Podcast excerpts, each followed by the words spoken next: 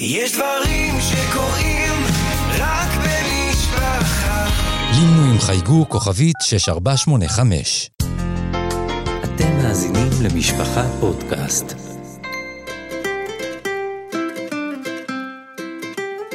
זמן סיפור סדרת סיפורים לילדים מתוך ספריית ילדים של משפחה. שלום ילדים וילדות, אני אפרת יפה, ואני שמחה להקריא לכם סיפור מתוך ספריית ילדים של משפחה. לא רק לבן. מאת מירי זוננפלד.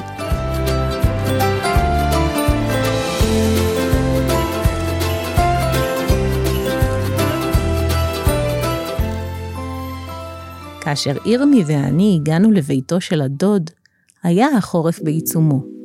גשמים חזקים ירדו כל הדרך, תופפו בקולות אדירים על גג הקרון שבתוכו נסענו, וזרמו בשטף על החלונות, באופן שטשטש את הנוף לחלוטין. אין לי מושג איפה אנחנו, אמר לי ירמי בייאוש, אחרי מספר שעות של נסיעה.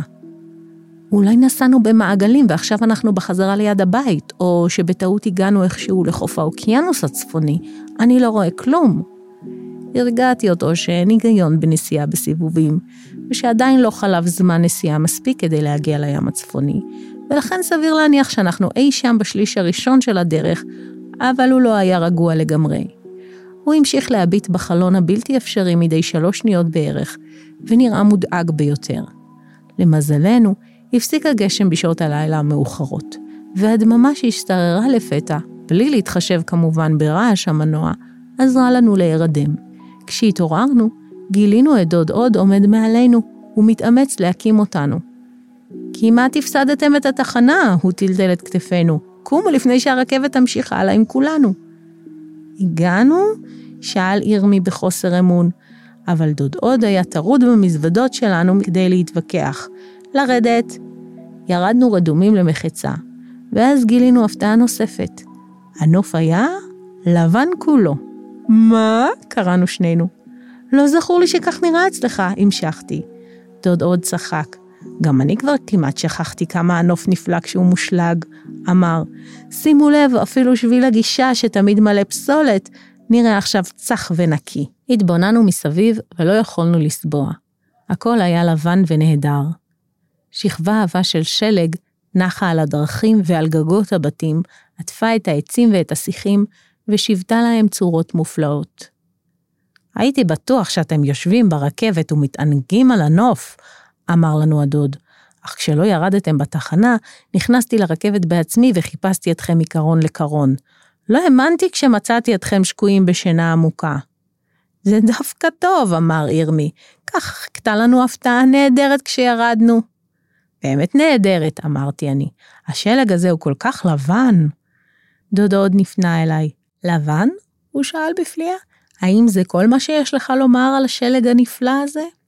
הוא לבן, חזרתי ואמרתי בלי להבין. לבן מאוד. בטח לבן, חזר אחריי ירמי. מה עוד יש בשלג חוץ מזה שהוא לבן? הוא הרבה יותר נפלא מזה, קרא הדוד בקול. חכו עד שנגיע לעמדת התצפית הקדמית, אז כבר תוכלו לראות מהו שלג. ירמי הביט בי ואני הבטתי בו. שנינו היינו עייפים ורעבים אחרי הנסיעה הארוכה. לא חיפשנו תצפיות, קדמיות או אחוריות, רצינו להגיע לבית חם ומוסק, שבו ממתינה לנו ארוחה חמה. אולי נלך קודם הביתה? שאל ירמי בקול מהוסס. הביתה, הנהן הדוד בהסכמה. בוודאי הביתה. עמדת התצפית מחכה לנו שם, מספר מטרים גבוה יותר מהשוקו החם והדייסה המעבילה. שתקתי והמשכתי לצעוד. שתקתי כשדוד עוד הצביע על הכניסה לחצר הגדולה שמקיפה את הבית שלו. כניסה שהוא כמעט החמיץ בגלל תל גדול של שלג שהסתיר אותה כמעט כליל. שתקתי כשירמי כמעט החליק במדרגות הרחבות. המשכתי לשתוק כשנכנסנו פנימה ודוד עוד האיץ בנו להסיר את המעילים הרטובים ולהתחמם. אפילו כשהתיישבנו מול שתי קערות מעבילות ומדיפות ניחוח קינמון, המשכתי לשתוק, כי ממילא אי אפשר היה לדבר בפה מלא מהמאכל החם והמשביע הזה. אך כאשר הוא העלה אותנו לחדר קטן, שכולו חלונות, כבר לא יכולתי לשתוק עוד.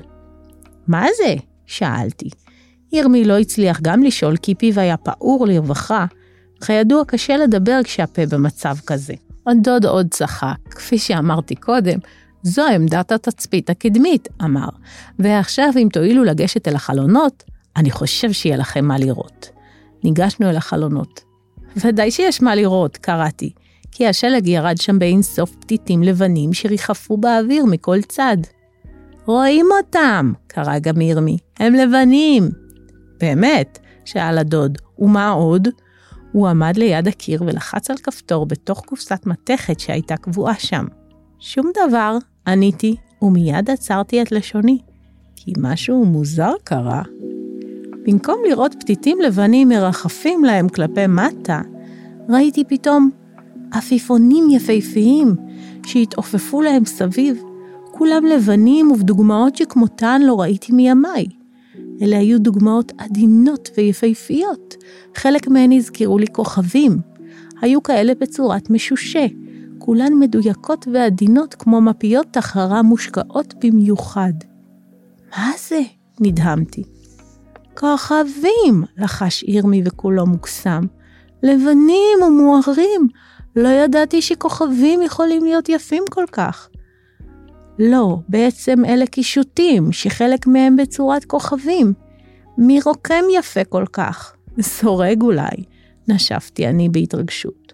דוד עוד צחק שוב מעם הקיר, ונדמה היה לי שהצורות היפהפיות גדלו עוד יותר. הן היו גיאומטריות ומעוצבות בקפדנות מדהימה, עשויות מחומר לבן נוצץ, והן ריחפו בעדינות סביב סביב כמו ציפורים קלות כנפיים. הסתכלתי והסתכלתי בלי יכולת לנשום כמעט. נדמה היה לי שהן גדלות עוד יותר. ניסיתי להתרכז בצורה כוכבית אחת, ששהייתה ממש לפניי. נקודת האמצע שלה הייתה ברורה, ומסביב היו שישה משולשים קטנים, שמכל אחד מהן יצאה זרוע חיננית שעשויה מצורות קטנות כוכביות בעצמן.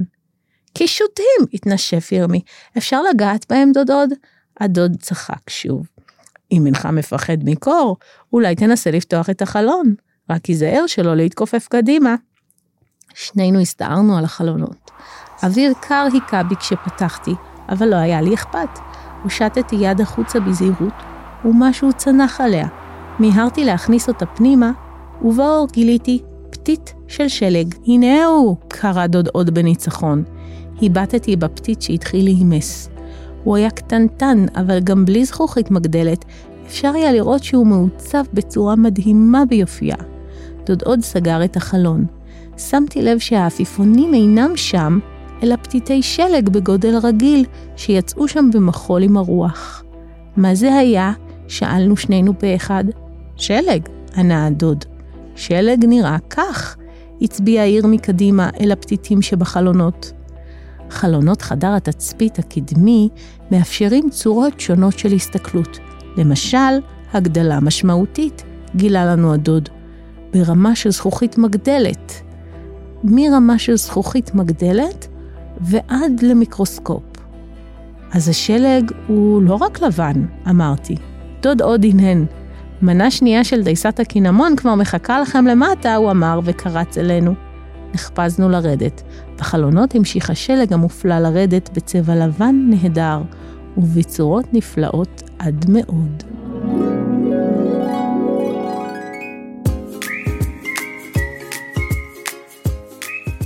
עד כאן זמן סיפור מבית משפחה פודקאסט.